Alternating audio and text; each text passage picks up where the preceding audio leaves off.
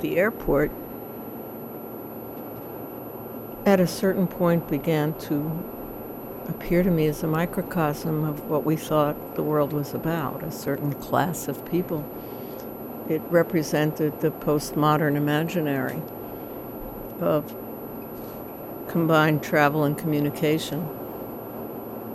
Communities like Benedict Anderson's imagined communities that are held together only by uh, shared beliefs and crossing distances in a way that communities certainly never did before, but they were often uh, ideological boundaries you didn't actually cross.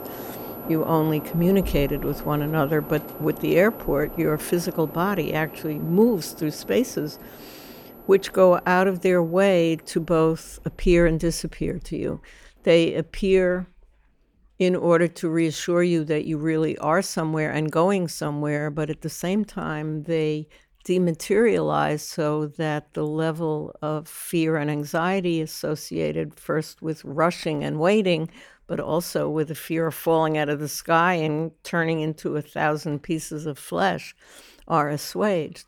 So they're always pushing and pulling us in several directions. They want our excitement, so we rush to the terminal and get aboard and the gate and get aboard the plane, but also are totally pacified and reassured that the voyage doesn't matter. It's actually the image of the place you're going. So they'll show you a faraway place, but at the same time, they'll also tell you that communication is never cut off. So they'll have a, a picture of a computer and a cell phone.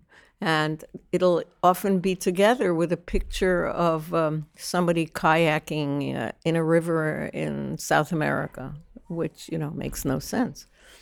And there's always a set of contradictions about desire, longing, and also achievement. You are there, you'll get there, it will be fine, it will be different, but it will be exactly the same, which is the point of having the communication. It's that you have a foot in both camps, but you've actually converted that other space into the same space and insisting that it's part of the same network. And of course, your body is not interested in those theories because you're anxious and sweaty and hungry and thirsty and annoyed and pressured and jet lagged. Um, so there has to be ways of distracting you from those things. One is the on flight movie, thank God for movies. But the other is to feed you. Then they stopped feeding you, at least in the US. So they're always, they're like a bad parent. They're giving you things that are not good for you and that you don't really like, and then taking them away. And then you say, but wait, what about X? And they boast about legroom, but then they take legroom away and you have to buy it. And they say, oh, you know, you're going somewhere, take your suitcase. Oh, but you have to pay.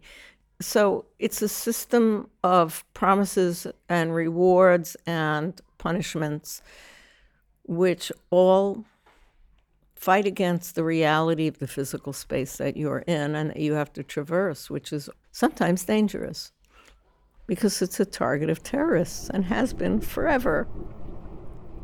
Travel used to be presented, particularly to middle class people, as a utopian experience, and therefore the site from which travel takes off and lands as a utopian space. And now it's just a shopping mall. And uh, it uh, impresses you with its soaring uh, skylights and so on, but it's not of interest as a space. And the act of travel is regularized and turned into a bus ride. And more and more, it is a bus for people who can only get to work that way, particularly if they're, well, in the Schengen zone in particular. And once again, it's the place that everyone would like to forget the minute they leave there because it's completely tied up with the need to sublimate the fear of death and the site at which your body actually appears to you as a vulnerable, soft, uh, unprotected object, and in which the airline can drag you off a plane against your will just because they want your seat, which is was brought home very recently by the cell phone camera of a man who actually was a doctor being dragged off a plane for no serious reason.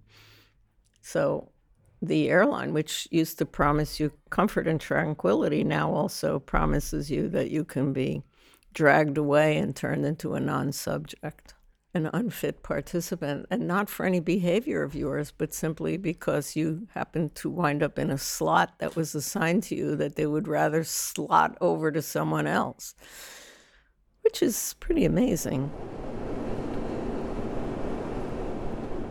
The airport takes place in a political imaginary that's very different from the way we conceived of geographic distance and movement before. We used to think, okay, it'll take me 12 hours to drive there, and we have to go over a mountain or we go around it. It adds some time, but at least you can keep the route in your mind. But with airlines, you can fly hundreds of kilometers out of your way because the airline has set up a system where everybody goes to one collecting point like Frankfurt and then you have to move on or Madrid is another very obvious one. I, to get here I had to fly to Madrid. Well at least it's on the way whereas lots of times you're flying way out of your way in order to get somewhere else so it messes with all our ideas about agency and rationality because the shortest distance between two points is supposed to be the way you're supposed to get there. And it's a way of saying, you know, citizenship is of no moment here. You're just a lump of physical flesh, which may have a mind but not agency the only agency you have is locomotion. When I started doing some research into, you know, the advent of modes of transportation, I, of course, realized immediately that the railroad was a gigantic innovation because it betrayed the terrain it crossed. It broke it if it didn't like it whereas canals have to be and river travel and roads they have to conform or did. The thing about railroads is that they broke the perceptual bond with the traveler and the landscape because everything turns into a blur compared to, for example, walking or riding in a cart or on a horse, where you still see the world as in the same temporal space you are, but once you're on a train, everything's changed. Of course, we've gotten used to it, but people were terrified and were having anxiety attacks, and then there were huge accidents which killed lots of people. And still do, but we pay less attention to them.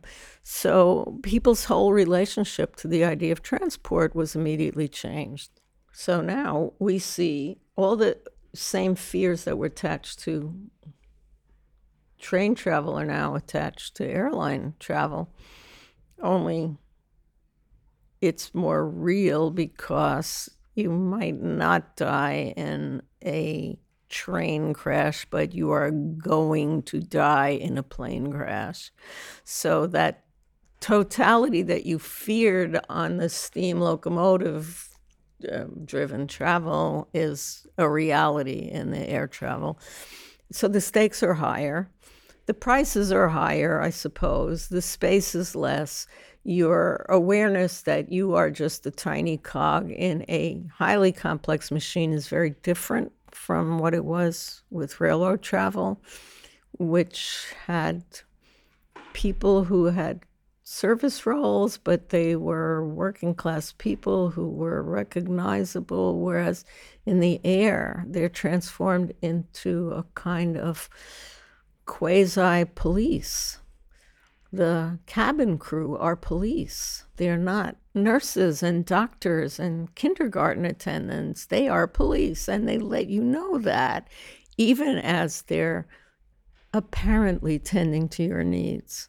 So you're infantilized the way that children know that the teacher is also a cop.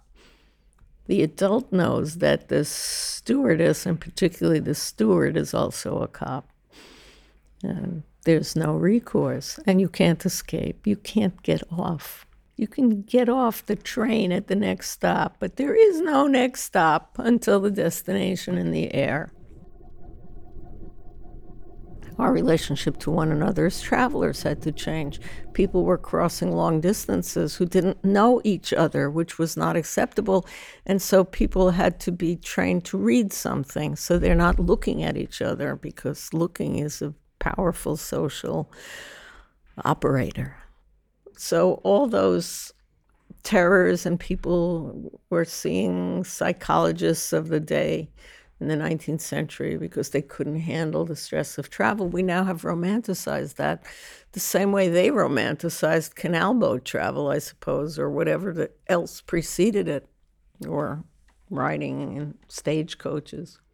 And there are people who learn to turn themselves into uh, kind of weaponized humans who have all the right devices and the right things to pull and the right things to push and the right things to wear and the right things to plug in. And it's all very empowering because you've become an isolated individual. But we don't function very well over long periods as that kind of isolated individual. We are social.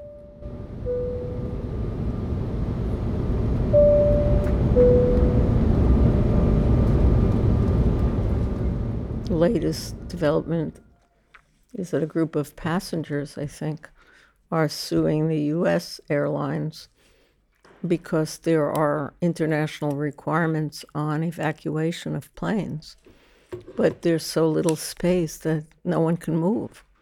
So you can't clear the plane in the amount of time that is mandated by law. This is very clever because the space, both the pitch, which is the distance between front and the person behind, and the width of the seats have been declining, while Americans at least have been getting fatter and fatter. And I know European airlines have done this as well. And then we have the evil uh, Ryanair, which has realized that it could be as sadistic as it wanted because people were traveling for pleasure and were not willing to bankrupt themselves totally in order to get to Barcelona from Liverpool. But were willing to squeeze themselves into tinier and tinier spaces and pay for tinier and tinier suitcases in order to get to Barcelona. And I mentioned Barcelona particularly because it's always been my model of what happened when Ryanair appeared, which is that all of a sudden you had working class British tourists wandering around with no notion of civil behavior. And I don't mean that they were uncivil, I literally mean they didn't know how to dress or act. They did not understand that it was not the beach and not Mexico and not another culture. It is the culture it is, not the culture you imagine. And it was really shocking to me to realize, wow, look at this, this is about cheap air travel. Because I remember Barcelona before. And I don't mean to sound like a snob. It's literally about the extension of certain class privileges to another class while removing many of the privileges associated with that privilege, and then also not suggesting to people that they ought to find something out about the destination before they get on a plane and get away from the reality that they're trying to get away from, like everybody does, actually. So, I consider it a sociological observation about expectation and demand. And it also, of course, has no interest in the effect on Barcelona. So everyone loses except Ryanair and its cohorts. And maybe the people who come here actually do gain something, but the, the cost in terms of ecology and urbanity and uh, uh, facility. It's like it's like Venice. I mean, you know, Venice is going to kill itself in order to serve more and more insane, huge ships and numbers of tourists. Uh, so the logic of capital is a short-term logic, and uh, the extraction of value f- from people and landscapes that suffer from the rampant rejiggering and gigantization of certain models. Hmm. Well, that works. Let's keep doing it. It's like how the real estate market collapsed. Well, we can't sell these mortgages, so what if we just break them up and sell them as securitized uh, mortgage bundles? No one will know what they're buying, and it's okay. Everything will be fine. And the um, machines are doing the trading, so nothing can go wrong until everything went wrong. And I think that people are very aware that the world that they thought was solid is precarious, and that increases their anxiety and their desire to find scapegoats and foreigners who are invading their country and taking their jobs when they're not. And in just being other, like we can't cope with all this change. Let's blame the face that we see that's different from the face we want to see, or not the face that we see, the face we see the picture of. The barbarian. And of course, I've been talking about the English coming to Barcelona as the barbarian. Well, you know, there's always some little hook that you can hang on to that suggests that these people are somehow not people. They're acting in such a way as a threat, and it's all reduced to uh, imaginary, uh, imaginary incursions and imaginary responses, and uh, a failure to feel agency on one's part to be able to do anything about it, and also a recognition that to do something about it would require kind of giving up the other stuff you do in life and somehow trying to engage in forms of local governance that will prevent this. That's when I realized what my project was about that it is a projection of who we think we are and what world we think this is.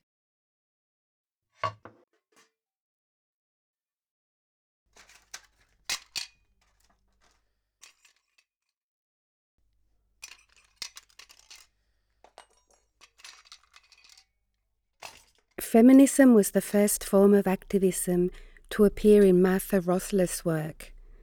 In the 1970s, her photo montages and videos already denounced the exploitation of women in advertising and the media, which perpetuate stereotyped and objectified representations. Since then, Rosler has maintained her feminist perspective and expanded the scope of her artistic commitment to denounce the many strategies of domination and control deployed by the capitalist system against people. Apron.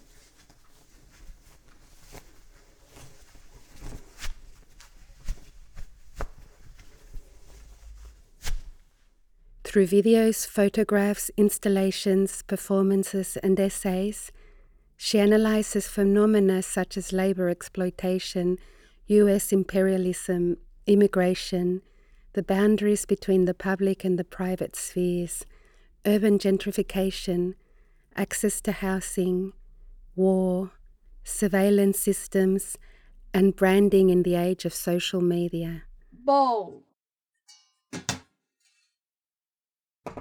Rosler warns us of the need to explore the semiotics of our existence, and through her artistic teaching and writing practice, she emphasizes the fact that the images around us are not innocent.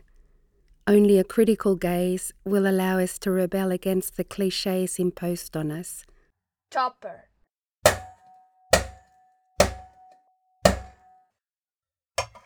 Martha Rosler opens this sonia with a lucid reflection on the political, psychological, and relational spaces generated by airports as a metaphor of our times. She also analyses and questions the proliferation of surveillance systems and self representations in contemporary society, while telling us about artistic circles in the 70s and the seminal video art scene. Dish.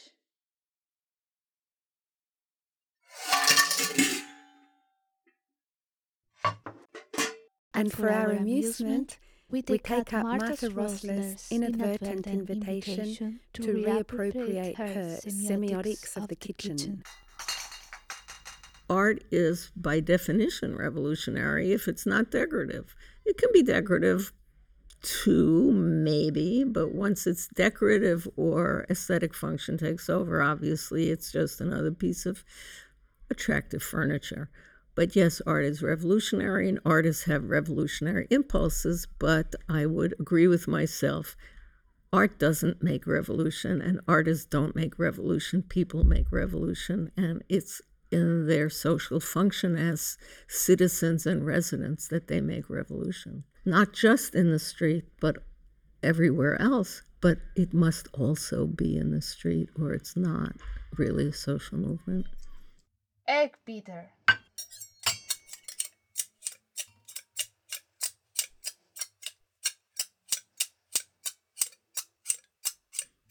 My reaction to people calling the end to utopia is that people have called an end to utopia time after time after time. Certainly, the First World War represented for a whole array of European modernizers the catastrophic destruction of a world of cultural progressivism. I mean, if you think about the Germans, uh, like, for example, Thomas Mann. The First World War was an unthinkable nightmare. Uh, if you think about the U.S. Civil War, it was the bloodiest war in history. We're still fighting it. The fall of the Soviet Union meant, of course, was that the idea of a socially just world, even though the Soviet Union didn't have it, it represented a certain kind of vision so the end of the Soviet Union and its replacement by a, a rank kleptocracy is crushing to the dreams of many people, particularly in Europe and somewhat in the United States. But we're already seeing a new young generation that demands that that vision be restored.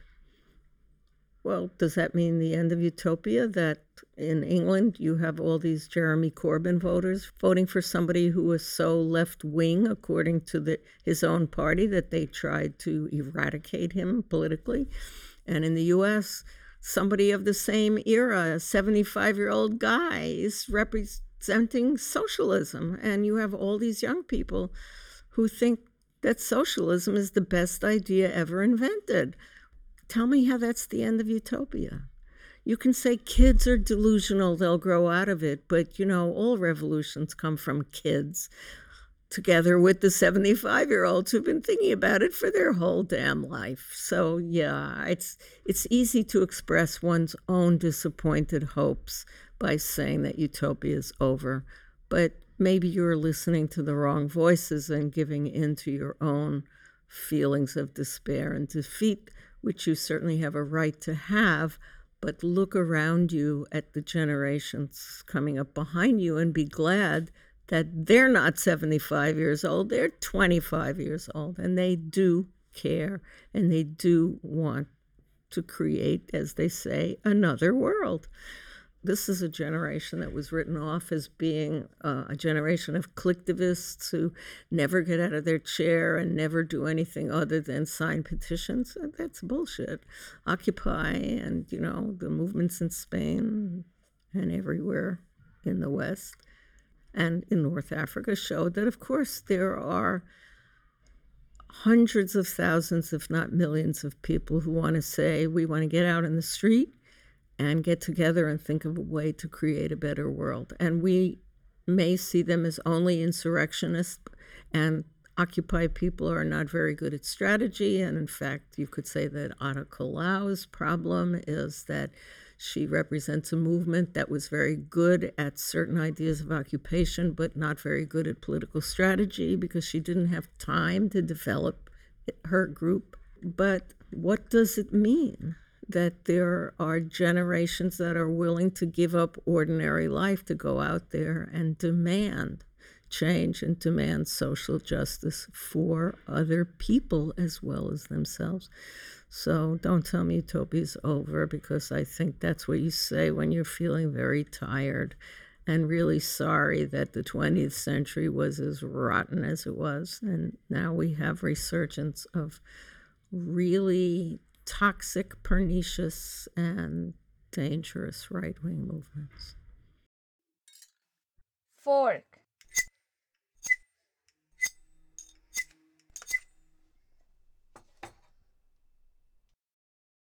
Grater.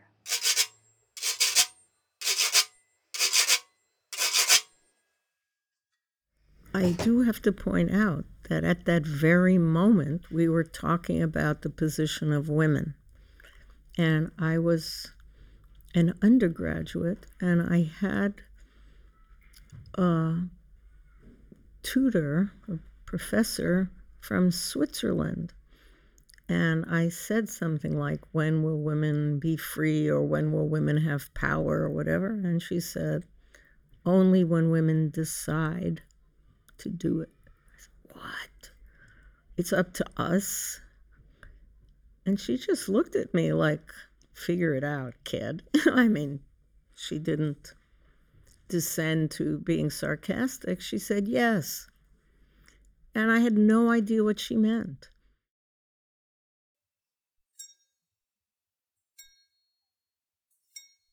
So there was a book published by Betty Friedan, who actually was coming out of the labor movement, but I wasn't interested in that. This was about a class of women that I didn't know. I didn't know anything about them. I didn't care about them. Rich housewives in Connecticut, you know the.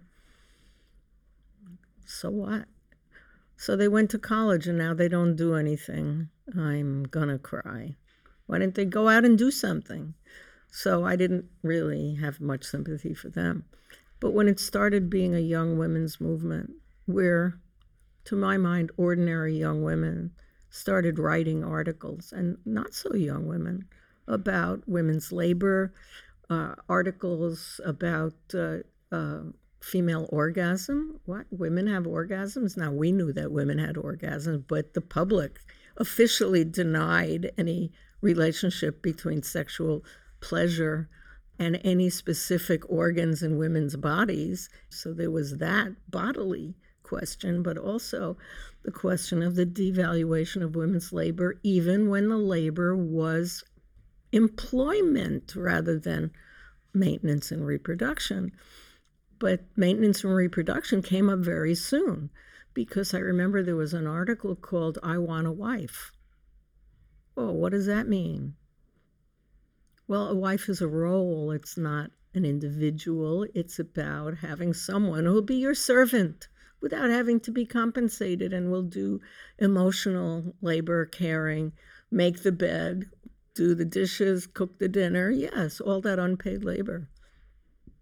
That women had to go out to work because pretty soon we were a two a two income household in order to just keep going and had to go out to work and come home and do all the chores. So, you know, what in Latin America was called the double day, actually, um, which is not a phrase we used very much, but it was clearly the case that we had paid roles and unpaid roles.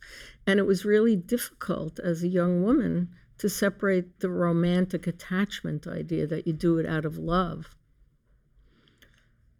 which was also the reason why you were supposed to, after doing all that, go out and volunteer to feed homeless people or to take care of sick people. It's love. And love is a big Christian idea. You know, everything happens out of love.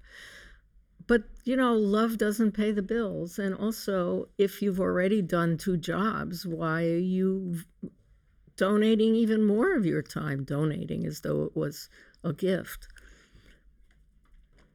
Alienating your time, spending your time. And all these languages suggest that it's actually separate from you, but under capitalism, of course, your labor is a separate entity from yourself. So, you know, we had um, very important issues in relationship, you know, Silvia Federici and Maria Rosa Dalla Costa, wages for housework. And a large sector of the feminist movement was very against this because they were too young and they weren't married. So, you know, they weren't thinking about it. Read Marx, it's essential under capitalism, maintenance and reproduction. This is not optional. And the idea that it's unpaid is not acceptable. And other people were saying, let's just divide the housework between men and women. Why should women have the burden? So these are actually opposing points of view, but they are both extremely fruitful in thinking about the way life is actually organized in relation to the kitchen and the production of food. Women are expected to be responsible for it, and if a man cooks a meal, that's great. If he changes a diaper, that's great. It's, you know, deserves all kinds of praise and reward, but when push comes to shove, it's the woman's job. Um, just like it is the woman's job to have a baby. You know, this is your job, do your job. And that's your reason for existing, cooking and cleaning and all of that.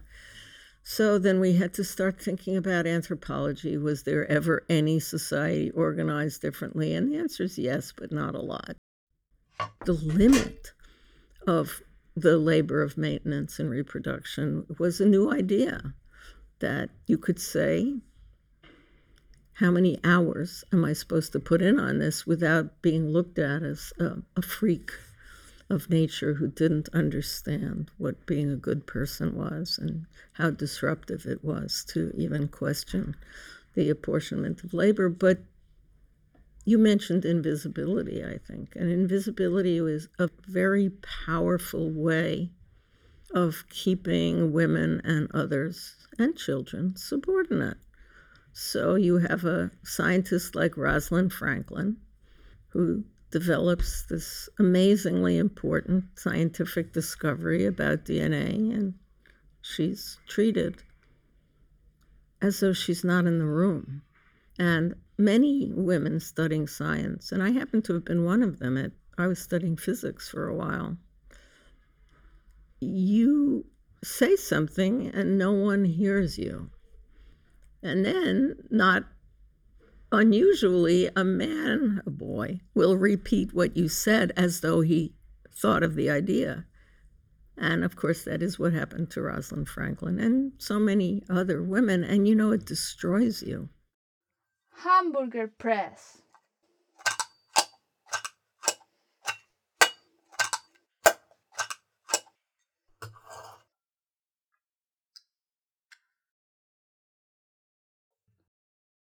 I speak.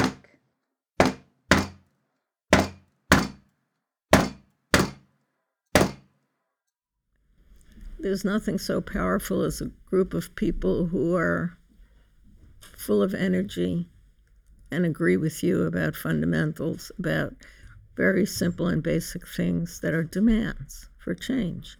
It's a young women's movement. So a lot of things happened that were really crucial to trying to create women as full subjects. As an artist, I felt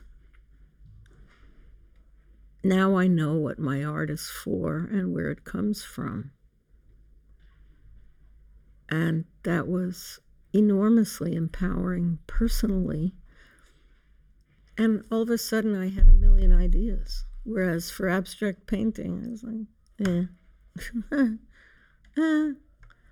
Another painting. Okay, this is fun. I really enjoy it, but why am I doing it? You know, which is very different from the kind of impetus that I drew from outside myself. What abstract expressionist painting told us was everything had to come from within. But how do you recognize what it is that you're dealing with when, in fact, it claims to be expressive, but it's highly formalist? I have nothing against formalism. It just wasn't motivational for me. I didn't feel like trying to solve the same problems over and over formally.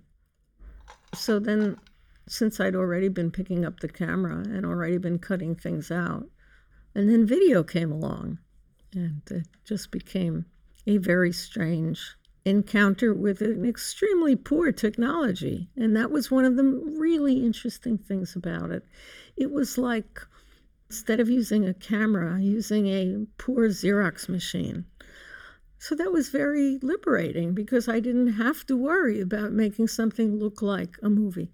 And I also want to say that at that time, the highest form of art for most artists was movie making. We all wanted to be movie makers, and we all realized none of us could be movie makers because who had the money to make movies? And as my friend and mentor Eliane said, it's distribution. How would we distribute our movies?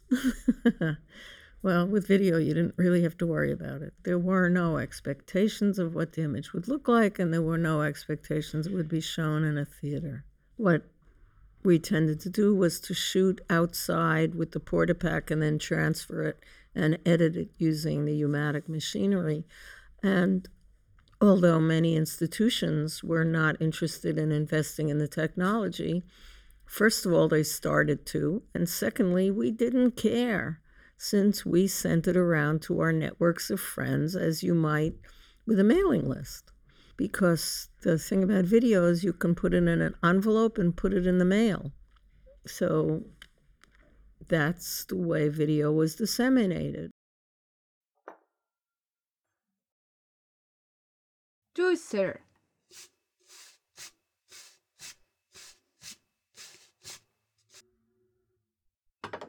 Knife.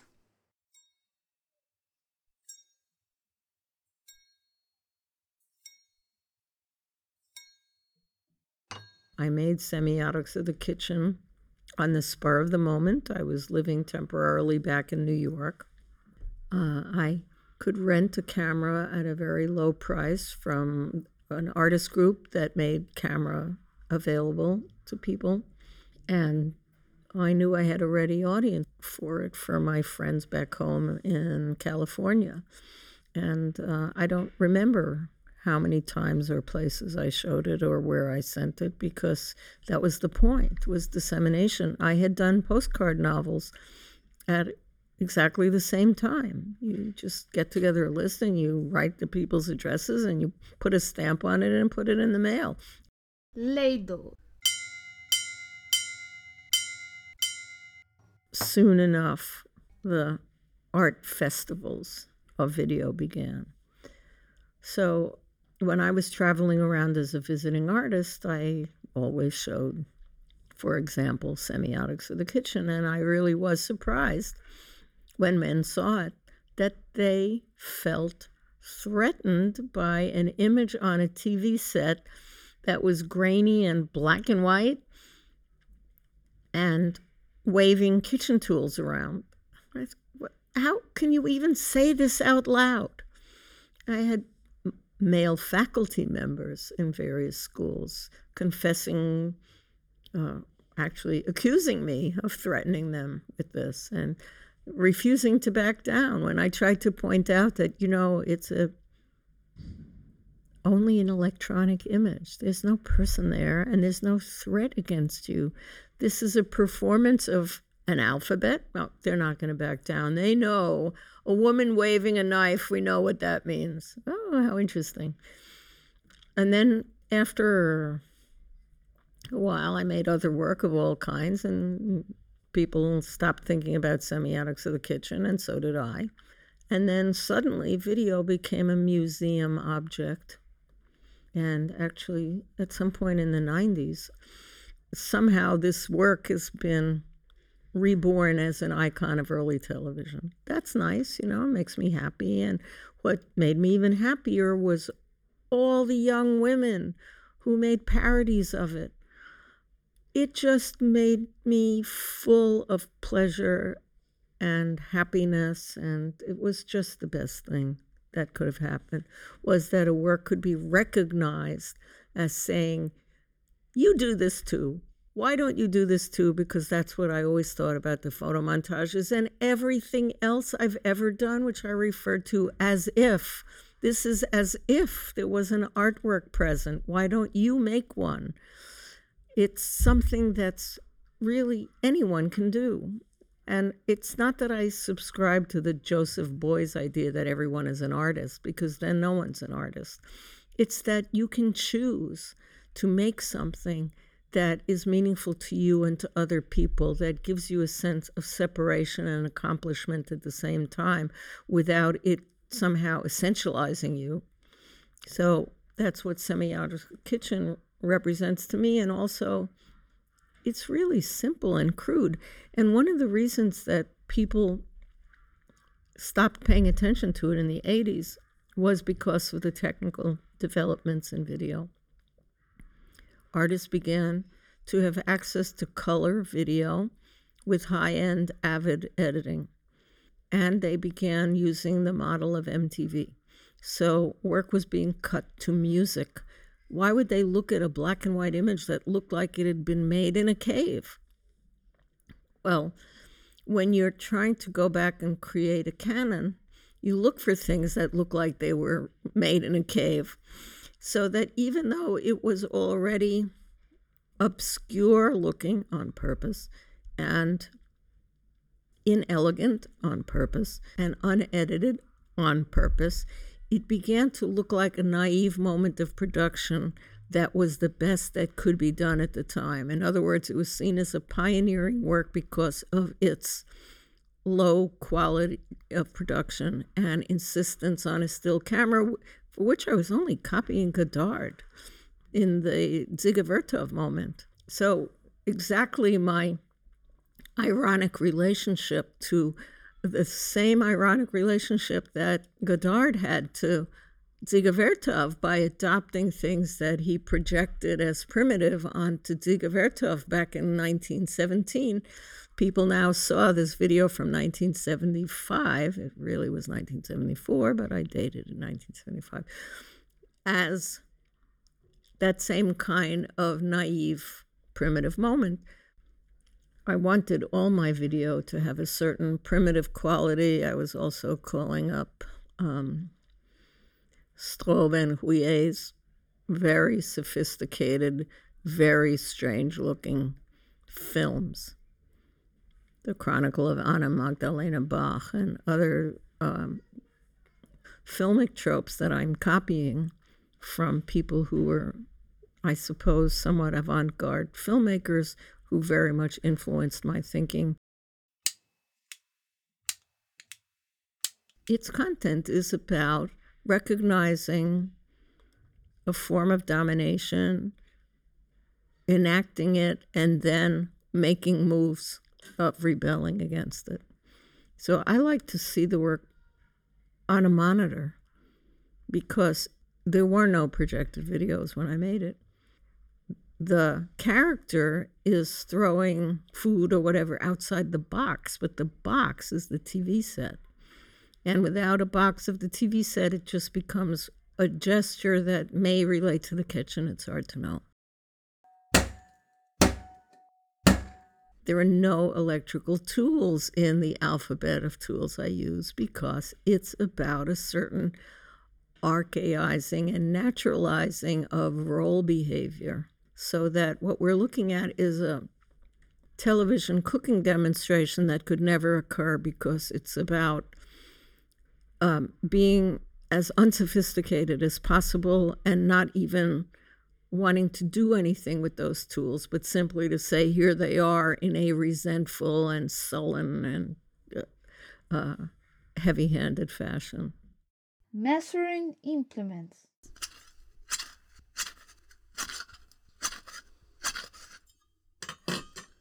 Nutcracker.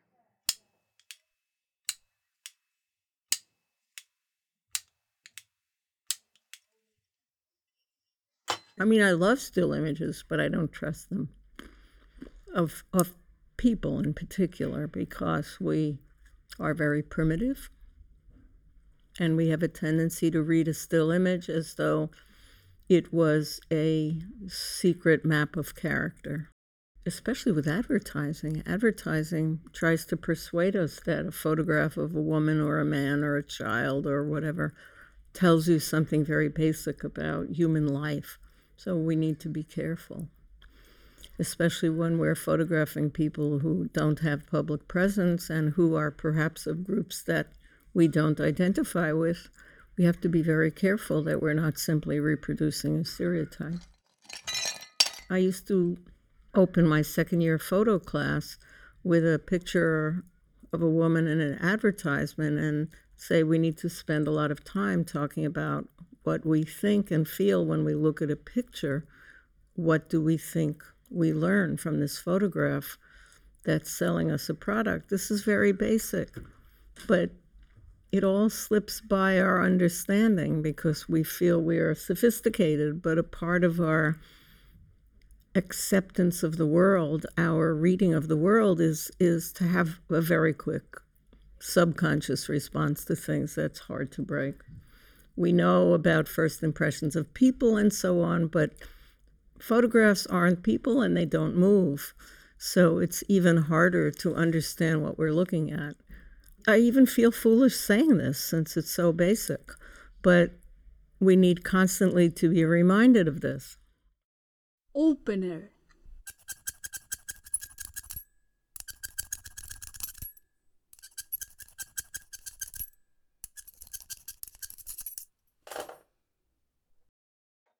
Pen.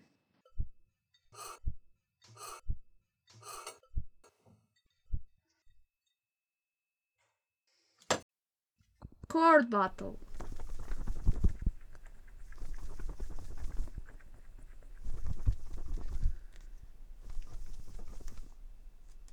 we were sitting at lunch at an outdoor table, and uh, a tourist walked by, and she was carrying something like this. And I looked at it, and it was a selfie stick with a long turquoise blue handle, and the shaft was silver, and the holder was turquoise, and her cell phone case was gold. And I realized that it was like her wand of power and of course, the power is to take a picture of herself. What's a selfie stick for?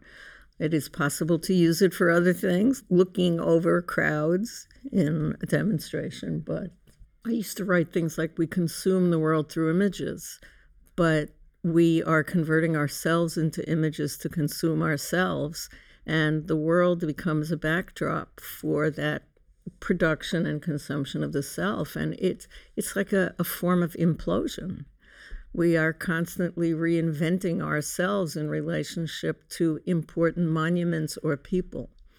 And without that a self-portrait is a mysterious item now.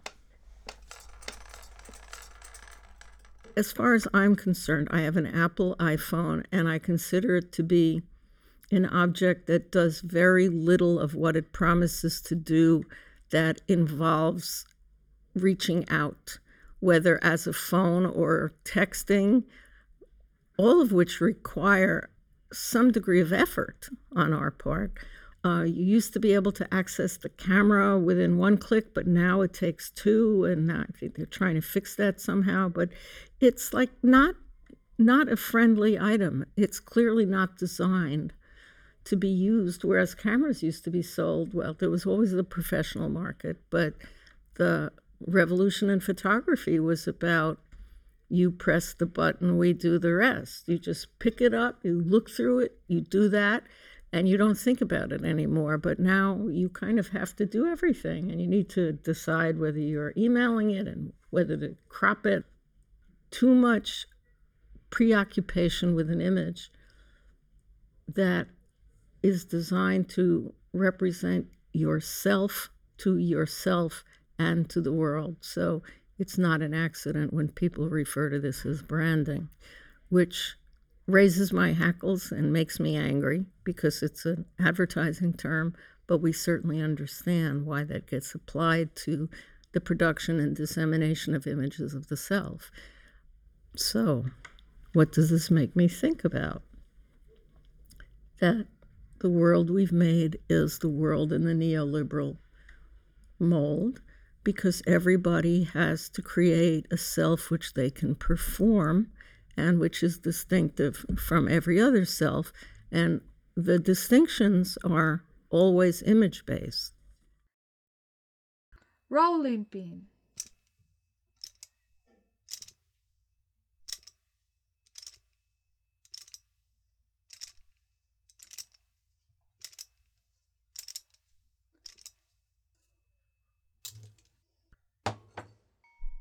Tenderizer. The impetus to the Theater of Drones was an invitation from the Charlottesville Photo Festival to produce a public display on what they called a free speech wall. So I often try to make work about the place where the work will be, which we call site specific, but my work is often not recognized as being site specific, which I don't understand since it's often site specific. So I did a little research into Charlottesville, which I have to say is the site of the Nazi march that exposed the undercurrents of racism and white supremacy in a good portion of the electorate and the president himself. But Charlottesville has been the home of anti drone activity in the United States, which is really odd because it's a pretty small town. It has a libertarian lawyer who is very protective of people's rights against surveillance and excessive police and government attention. And he helped draft a legislation, uh, a piece of legislation against surveillance by drones, which was passed by the Charlottesville City Council and became a model for other legislation around the country. There was also an activist there who is head of an organization against the military use of drones abroad in war. So, two forms of anti drone agitation when drones were first really coming onto public view were based in Charlottesville. So, I thought, obviously, I have to make something about drones. Not only because we need to talk about drones, because we're killing people with them from afar, and because they will become a dominant form of warfare and surveillance. And during the public event associated with the presentation, I invited both men to come and talk and explain their position. I looked for every single drone under development in every country where I could find drones being under development Mostly it was the United States and the United Kingdom. And mostly all the drone development was supported by DARPA, which is the defense agency of the US Pentagon and military elements. So the money came from DARPA. The internet was also a DARPA project. Interesting. And I discovered there really are insect like drones being under development, the size of mosquitoes, which sounds like nonsense, but it's really true. And the government has no problem admitting. We also have gigantic drones, which everybody knows about the Predator and the Reaper. You know, these terrible names. it's almost a caricature, the Reaper and they are controlled at the moment by soldiers, communication specialists sitting in trailers way out west in the US and Colorado. And they tried to award a medal to one of these guys. And there was a huge outcry from soldiers who go in the field on foot and shoot people with guns. And I did a little research and I discovered these people get post traumatic stress because they sit in their trailers and they watch a family for weeks or months and then decide or carry out orders to kill the men in the household, usually. So they've been looking at these people and have some imaginary relation to them, and then they kill them, which is much worse than just dropping a bomb when the whole point of aerial bombing is that you don't have to think about the people whom you are destroying, but these people couldn't help it.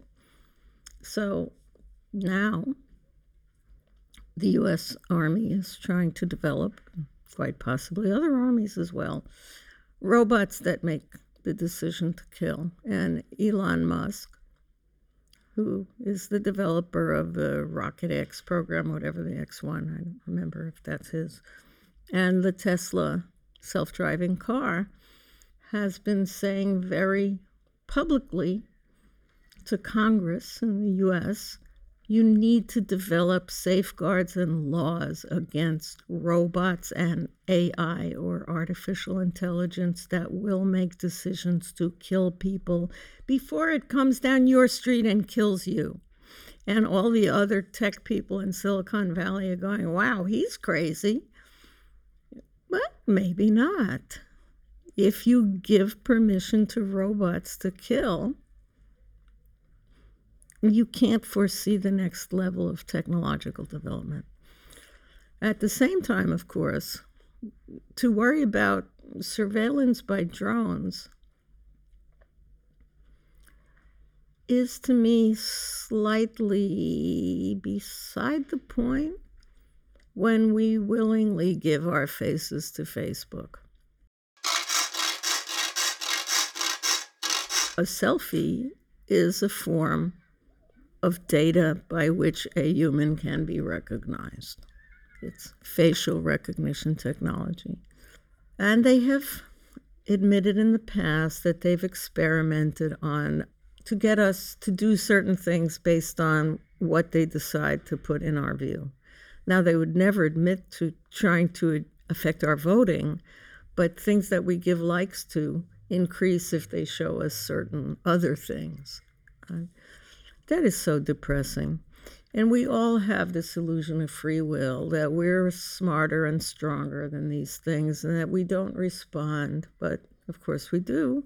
And we keep on posting pictures of ourselves. Or someone posts a picture of you and tags you. So either we're on social media or we're not, and maybe this is a passing phenomenon, but that kind of thing will not go away. We will have our DNA taken and our faces scanned by police under random conditions, as they admit they're doing. And if people are stopped for any reason, they're often collecting material without admitting it. And it's a way of abstracting an individual and turning them into a data field. At the same time that they're telling us that we are freely decision making individuals, they're also constantly reminding us in every way that we are simply creatures that are under the visible control of the state. There are always these mixed messages about freedom and paranoia. U V W X Y Z